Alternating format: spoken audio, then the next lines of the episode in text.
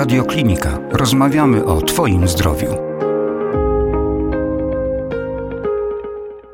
Przed mikrofonem Jakub Śliwiński, kłaniam się Państwu bardzo nisko. To oczywiście Radioklinika, czyli rozmowy o naszym, o Państwa zdrowiu. Dzisiaj rozmowy ze szczególnym naciskiem na kondycję tych e, najmłodszych, na kondycję psychiczną, kondycję emocjonalną tych, którzy e, w czasie tej pandemii są w bardzo wysokiej grupie ryzyka, e, jeżeli chodzi o późniejsze następstwa. Razem z nami na antenie Radiokliniki jest pani Joanna Węglarz, psycholożka dziecięca, założycielka studia psychologicznego. Dzień dobry pani Joanno. Dzień dobry. O rozwoju społeczno-emocjonalnym dzieci i młodzieży w czasie pandemii będzie traktowała otwarta e-konferencja Akcja Relacja, e, która już 6 oraz 7 marca. O niej dzisiaj oczywiście i między innymi porozmawiamy, ale pani Joanno, wyjdźmy od tego, co wydaje mi się jest e, kluczowe, czyli od tego, jakie skutki wywołała i wywołuje cały czas, e, szczególnie właśnie pośród najmłodszych, ta pandemiczna sytuacja, tak to nazwijmy, jaki wpływ na tę społeczno-emocjonalną stronę ma to, co po prostu e, dzieje się wokół nas. Pandemię możemy potraktować jako kryzys, czyli coś, co wydarzyło się nagle i coś, na co nie do końca mamy narzędzia, żeby sobie z tym poradzić. I yy, o ile jesteśmy osobą dorosłą, osobą, która przeszła różne kryzysy, która miała różne sytuacje takie, nie wiem, e, małych załamań, e, zmian nagłych w życiu, no to mamy doświadczenia takie, że z kryzysem potrafimy sobie poradzić. Mhm. E, w przypadku dzieci, młodzieży, no zazwyczaj jest tak, że tych kryzysów mm, takich globalnych nie było, więc młodzież, dzieci mają na pewno bardzo duży problem ale ten problem dotyczy też wielu dorosłych, także e, dzieci nie radzą sobie, dlatego też, że widzą dorosłych, którzy sobie nie radzą, którzy narzekają, którym jest trudno, którzy się buntują, którzy w różny sposób próbują z tą sytuacją sobie poradzić, ale często nieskutecznie. Więc po pierwsze, dzieci mają małe zasoby, po drugie, czasami nie mają wzorców, czyli nie mają od kogo się uczyć, jak sobie z tą sytuacją poradzić. My już za chwilę oczywiście tę całą sytuację będziemy się starali e, rozłożyć na czynniki pierwsze. Będziemy także, no myślę tutaj także i przedstawiali te możliwe sposoby na to, aby rodzice, szczególnie rodzice stanowili e, wsparcie dla najmłodszych. Ale pani Joanno, z jakim my problemem aktualnie mamy e, do czynienia? Myślę tutaj o liczbach, myślę tutaj o badaniach. Czy jesteśmy w stanie, w stanie wskazać liczbę młodych ludzi, którzy w tym momencie no, borykają się z tym problemem i który tłumaczy się jako ostry stres pandemiczny? I gdyby gdybyśmy mogli przy okazji mhm. wyjaśnić to no, niezwykle groźnie e, brzmiące pojęcie. Ogólnie ostry stres to jest takie zjawisko pomiędzy mm, zespołem stresu pourazowego, a jakąś reakcją taką adaptacyjną, czyli takim stresem, który jest jeszcze adaptacyjny, czyli stresujemy się, ale sobie jeszcze radzimy. Czyli jest to jakaś ostra reakcja stresowa. No i naukowcy zastanawiali się, czy to, co dzieje się w pandemii, da się przyporządkować do takich jednostek zaburzeń, które mieliśmy do tej pory, i stwierdzili, że z różnych powodów nie, ponieważ mhm. pandemia to jest coś bardzo, bardzo wyjątkowego i e, z różnych powodów jakby trudno mówić o tym, że, że te stare, że tak powiem, dotychczasowe kryteria diagnostyczne wystarczają. E, więc e, po pierwsze, wymyślono, określono nową jednostkę, i to jest jakby w takim dużym skrócie. Możemy sobie za chwilę jeszcze wyjaśnić, co jest takiego wyjątkowego w pandemii i dlaczego mhm. właśnie jest to tak trudne. Ale jak mówimy właśnie o 20%, to jest bardzo dużo, czyli co piąty człowiek nie radzi sobie emocjonalnie z tą sytuacją. I tak jak mówiłam, różnie to się objawia. Ale to pokazuje, że naprawdę no, żyjemy w takich czasach globalnej pandemii nie tylko choroby, ale też pandemii bezradności, bezsilności, trudnych emocji w całym społeczeństwie. To 20% dotyczy całego społeczeństwa. W przypadku dzieciaków, młodzieży mówi się, że jedna trzecia młodych ludzi przeżywa stale trudne emocje, czyli smutek, przygnębienie, e, lęk, czyli jakby te mhm. statystyki są dużo większe w przypadku młodzieży. Pani Joanno, no ale właśnie, ma Pani kontakt z tymi najmłodszymi e, dziećmi, że tak, że tak się wyrażę, ma Pani kontakt z tymi najmłodszymi ludźmi. Proszę mi powiedzieć, z jakimi oni problemami do Pani przychodzą? Jakie są te najczęstsze bolączki aktualnie e, młodych ludzi i jak to wygląda na przestrzeni tych ostatnich e, już w tym momencie kilkunastu, kilkunastu miesięcy? Czy jesteśmy w stanie wskazać te, te największe problemy? To jest na przykład to, że młodzież i młodzi ludzie nie mają kontaktu e, z rówieśnikami, to są sytuacje, gdzie młodzi ludzie są zamknięci w domach, czy to jest po prostu kumulacja tego wszystkiego, która no niestety bardzo często prowadzi do tego jakże przykrego finału? To na pewno jest kumulacja tego wszystkiego. ogólnie już od lat paru się mówi o tym, że y, system nasz taki wsparcia młodych ludzi jest nie do końca wydolny. E, były jakieś rozwiązania, które niestety pandemia troszeczkę przystopowała, więc jakby na ten problem tej niewydolności nałożyła się sytuacja pandemii.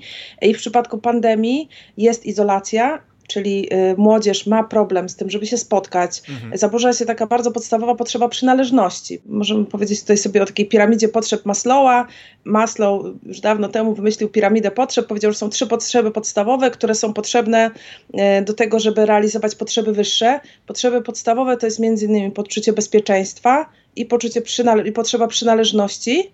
I dopiero jak mam zaspokojone te potrzeby, to chce mi się uczyć, chce mi się rozwijać, chce mi się poznawać nowych ludzi, chce mi się y, szukać hobby dla siebie i jestem gotowa do samorozwoju, a w szkole y, żeby się uczyć, żeby się rozwijać, no muszą być zaspokojone potrzeba bezpieczeństwa, czyli muszę mieć przewidywalny mhm. świat, muszę się czuć dobrze, muszę y, radzić sobie ze swoimi emocjami i muszę mieć grupę rówieśniczą te dwie potrzeby, czyli potrzeba bezpieczeństwa, potrzeba przynależności, zostały zablokowane i dlatego młodzieży jest bardzo trudno, więc objaw jest taki, że im się nic nie chce, że oni nie chcą się uczyć, że oni nie chcą włączać kamerek, że nie chcą robić pewnych rzeczy, które podczas nauki zdalnej nie chcą włączać tych kamerek, mhm. że nie chcą y, robić pewnych rzeczy, które sprawiały im wcześniej przyjemność. Ostatnio pewna nastolatka powiedziała mi, że nienawidzi swojego pokoju. I to było takie dla mnie druzgocące, bo ona mówi, że ciągle tam muszę siedzieć. Nienawidzę mhm. tego pokoju. Ja tak się zastanawiam, bo pani wspomniała o tej potrzebie i takim generalnym przewidywaniu tego,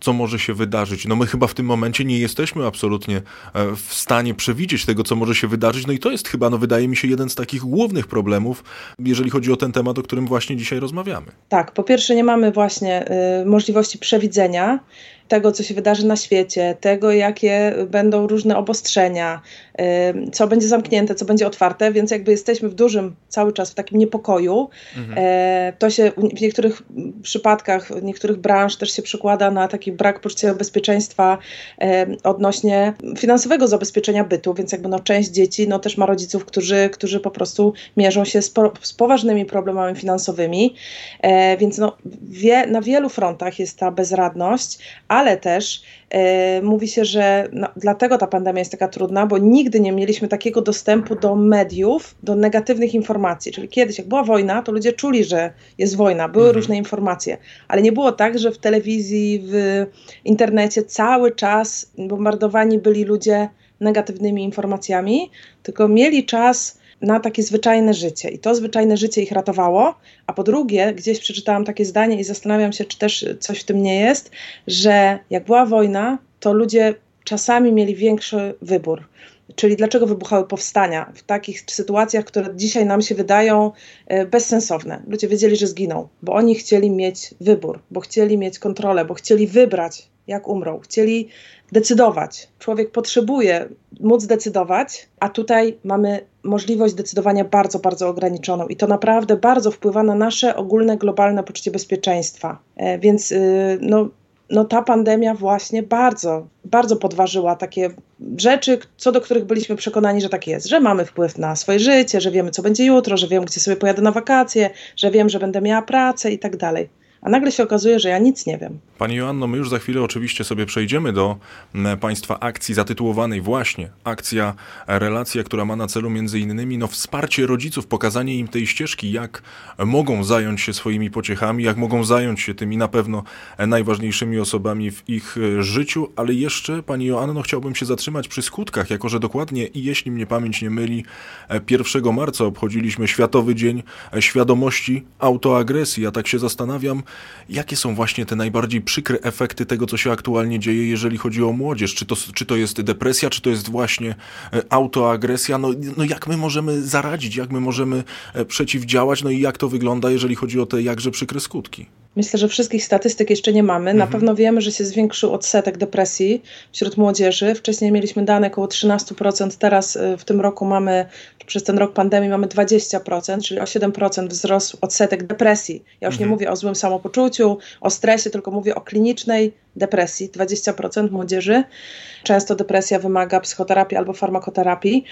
I no, zdarza się, że, że się wiąże z samookaleczeniami, z próbami samobójczymi, a na pewno bardzo często z myślami samobójczymi. Także no, pojawiają się różne badania, jeszcze wszystkich mhm. statystyk nie mamy, ale na pewno e, no, jest taki czas, że trzeba bardzo być uważnym i trzeba się bardzo przyglądać młodym ludziom, których mamy wokół siebie, bo oni właśnie często są bezsilni i czasami nie mają już siły wołać o pomoc, więc musimy być bardzo wyczuleni na takie różne drobne sygnały, które możemy zaobserwować po to, żeby naszemu dziecku, czy nie wiem, dziecku z naszej rodziny, czy naszemu uczniowi pomóc. Przejdźmy teraz do tych symptomów, przejdźmy do tych e, niepokojących objawów. E, pani Joanno, w którym momencie rodzic powinien, powinna się zapalić ta lampka, że coś jest nie w porządku, że coś dzieje się nie tak, no kiedy trzeba, mówiąc krótko, zacząć bić na alarm? Na pewno no zawsze się mówi, kiedy, kiedy pojawia się zmiana i kiedy ta zmiana trwa, czyli że właśnie zaczyna się u młodego człowieka coś dziać i on z takiego, nie wiem, radosnego człowieka, który chętnie robi różne rzeczy, nagle się staje takim, który właśnie niechętnie, mało radośnie i, i wycofuje się. Natomiast problem jest taki, że okres nastoletni to jest taki czas, kiedy, e, no, kiedy młodzieży często się nie chce, kiedy mhm. często ma doła, kiedy często jest y, antynastawiona do rodziców i czasami może się wydawać, że y, no, to jest właśnie to, czyli to on po prostu jest w wieku nastu lat i to mu przejdzie. Pewien wiek e, rządzi się, rządzi się swoimi prawami, tak? Dokładnie. Tak, że to pamiętamy, tak, tak, tak, tak. jest. Lekarze mówią często o tym, że y, na przykład y, pewne symptomy, które mamy, po pierwsze trwają dłużej, tak, jeżeli to jest mhm. depresja, czyli to nie jest tak, że ktoś ma gorszy dzień, czy nawet gorszy tydzień, tylko on po prostu cały czas jest w takim gorszym stanie, czyli ten stan jest jakby niezmiennie zły. Po drugie, że trudno go poprawić w taki sposób tradycyjny, czyli nie wiem, zawsze poprawiało humor naszemu dziecku, jak nie wiem, przynieśliśmy lody i sobie zjedliśmy pudełko lodów, albo obejrzeliśmy razem dobry film, a teraz nie ma, te strategie przestają działać, czy zaczyna unikać kolegów. E, więc jakby no, dotychczasowe takie e, doraźne sposoby nie działają. I widzimy, że jakby mimo tego, że wszyscy się e, dwoją i troją, to, to, to ten człowiek zamyka się w sobie. To na pewno warto wtedy przyjrzeć się temu, może sięgnąć, zasięgnąć rady specjalisty, bo no, depresja, jak to się mówi, jest chorobą śmiertelną.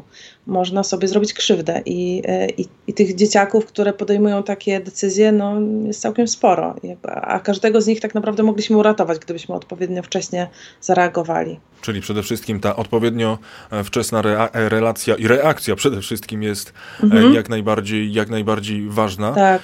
Pani Joanno, a w jakim stopniu my jesteśmy w stanie przewidzieć to, na ile ta bieżąca sytuacja, myślę tutaj o pandemii, może mieć właśnie wpływ na młodego człowieka? Ja tak, tak się zastanawiam i życzyłbym sobie tego, żeby to wszystko się skończyło za, mhm. powiedzmy, w takim wariancie optymistycznym, dajmy na to, za rok.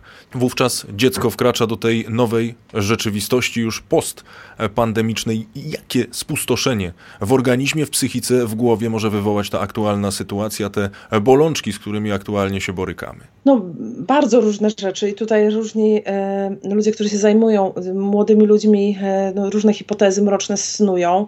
E, ja się zastanawiam, czy młodzież będzie chciała wrócić do szkół, ponieważ e, to nauczanie zdalne trochę ich nauczyło, że nie zawsze muszą w pełni uczestniczyć, że mogą się nie, wiem, nie ubierać, mogą sobie leżeć w łóżku, czyli problem może być moim zdaniem do tego, żeby zmotywować ich do takiego powrotu do, do normalnej szkoły, takiej jaką znaliśmy. Pytanie, czy mhm. szkoła jest gotowa na rewolucję, bo może za ten rok czy za jakiś czas będzie potrzebna rewolucja w szkole, po to, żeby młodzi ludzie chcieli do nich chodzić, do tych szkół ale też no nie wiem, nie wiem, jak będą też wyglądały na przykład relacje rówieśnicze, bo tutaj było, było tak, że no jakby wiemy, że młodzież dużo czasu spędzała przed komputerem i oni często, nawet będąc w jednym e, pomieszczeniu, kontaktowali się przez Messengera na przykład, ale i, i na przykład 75% mieli relacji online, ale 25% mieli offline, na żywo. I to im wystarczało, czyli jakby dopełniali tym na żywo.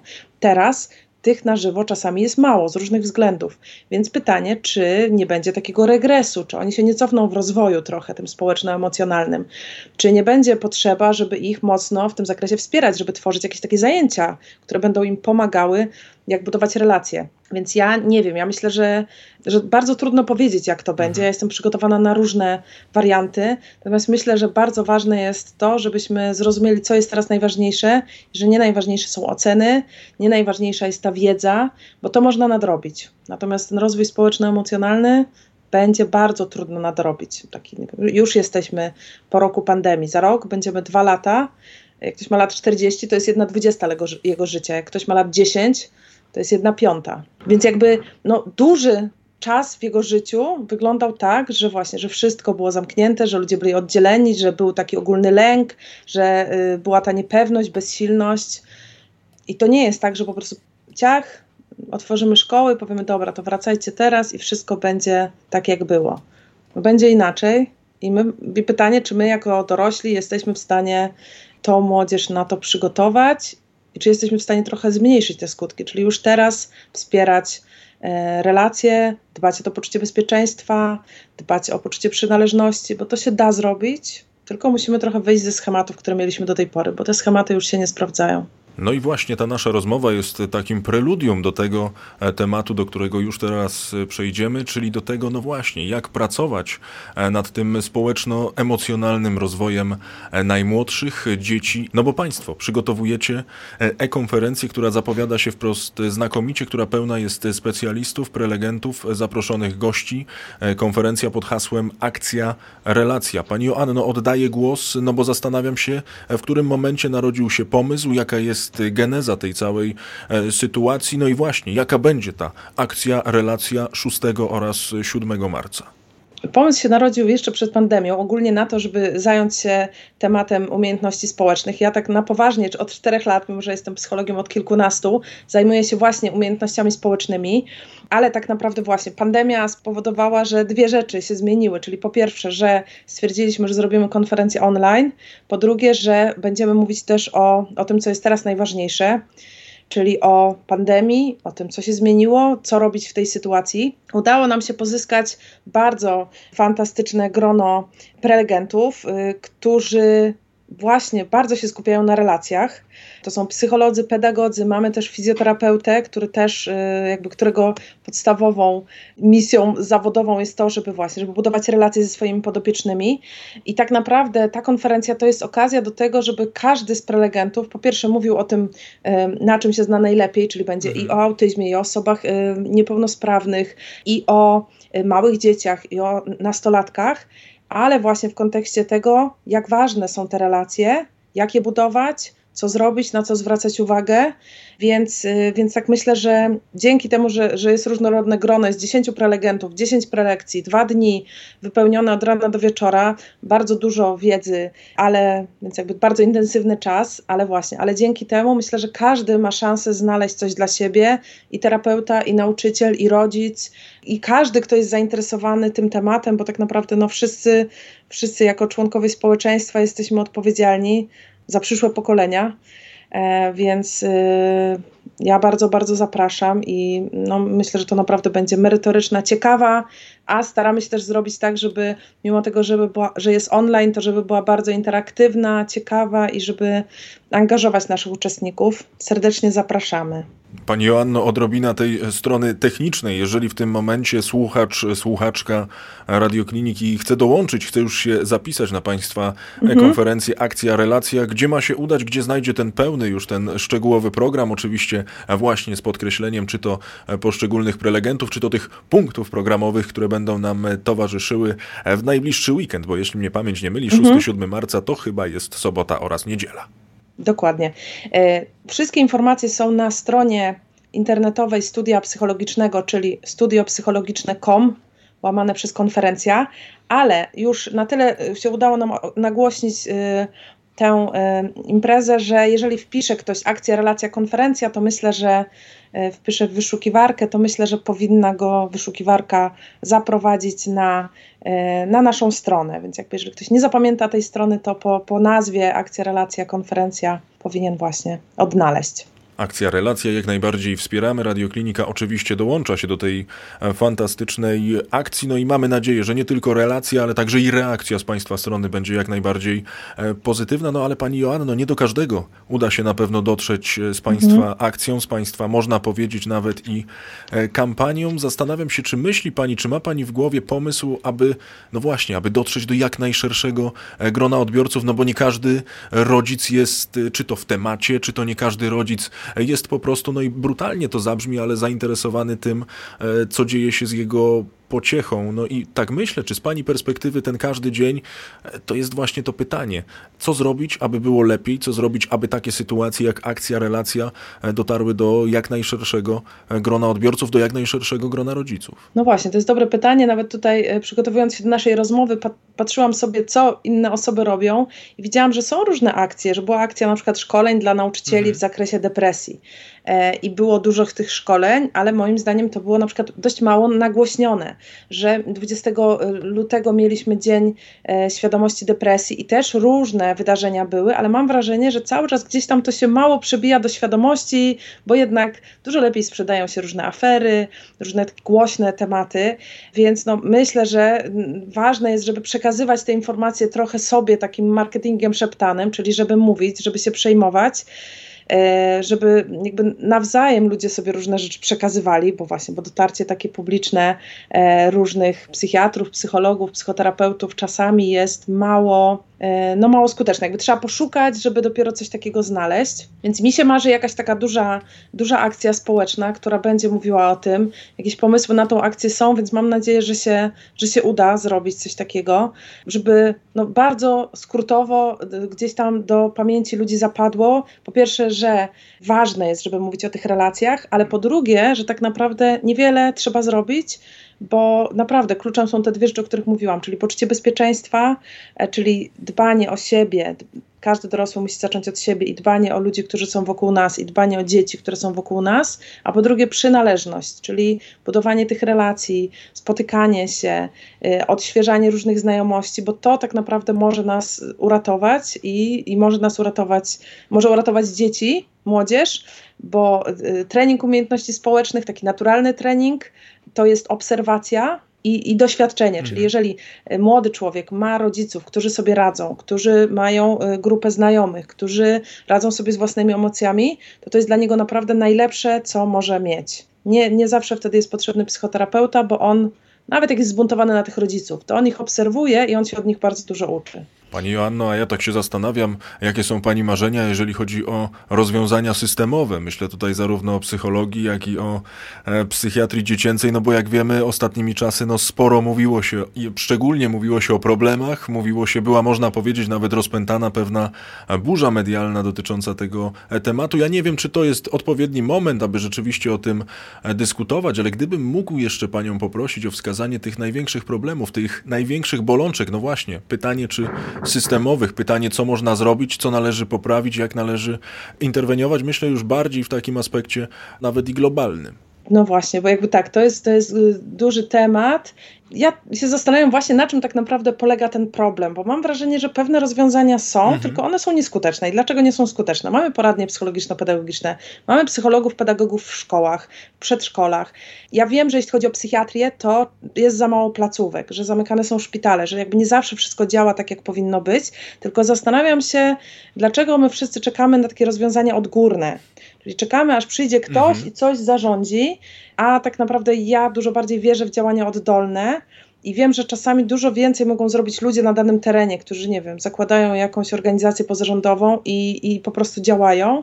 E, albo ludzie, którzy pracują w jakiejś poradni, czy psycholog, pedagog, który pracuje w jakiejś szkole i po prostu dobrze wykonuje swoją pracę Mhm. I wtedy to działa. Myślę, że każdy musi zacząć od siebie, nie czekać na rozwiązania systemowe. Czyli zacząć najlepiej od własnego e, podwórka i tak dalej, i tak dalej. I pani Joanno, bardzo ta odpowiedź, przyznam szczerze, bardzo mi się podoba. E, na koniec, gdybyśmy mogli przypomnieć jeszcze słuchaczom Radiokliniki terminy, program pokrótce tego, co wydarzy się 6 oraz 7 marca. 6-7 marca konferencja Akcja Relacja czyli konferencja o tym, jak y, rozwijać umiejętności społeczne dzieci i młodzieży w okresie pandemii. E, będą wspaniali prelegenci, którzy będą mówić o rozwijaniu tych umiejętności u małych dzieci, u dzieci z autyzmem, e, u osób z niepełnosprawnością, u młodzieży, o roli szkoły, o tym, kiedy do psychoterapeuty, w jakich, w jakich sytuacjach jest potrzebne wsparcie psychoterapeuty. Myślę, że pokrótce to tyle. Nie chcę jakby czytać wszystkich tematów y, prelekcji, bo to też chyba nie o to chodzi. Jeżeli ktoś jest zainteresowany tym tematem, albo nie wie jeszcze, czy jest zainteresowany i myśli, że może to by było coś dla niego, czy może dla kogoś jego bliskiego, to zapraszam na studiopsychologiczne.com, akcja, relacja, konferencja i na pewno jest szansa, że znajdzie coś dla siebie, który, któryś wykład będzie dla niego atrakcyjny, a może więcej niż jeden. Jak najbardziej zapraszamy i oczywiście jako Radioklinika zobowiązujemy się, aby informować Państwa o kolejnych działaniach studia psychologicznego i o wszelkich działaniach, jakie nasz gość będzie podejmował, aby po prostu najmłodszym żyło się dużo, dużo lepiej i rodzicom najmłodszych żyło się dużo lepiej. Pani Joanna Węglarz, psycholożka dziecięca, założycielka studia psychologicznego, była gościem Radiokliniki. Pani Joanno, trzymam kciuki za powodzenie akcji 6-7 marca i trzymam kciuki jak najbardziej za dalsze działania i oczywiście ogromnie dziękuję za to nasze dzisiejsze spotkanie. Dziękuję bardzo. Więcej audycji na stronie radioklinika.pl i w naszej aplikacji mobilnej.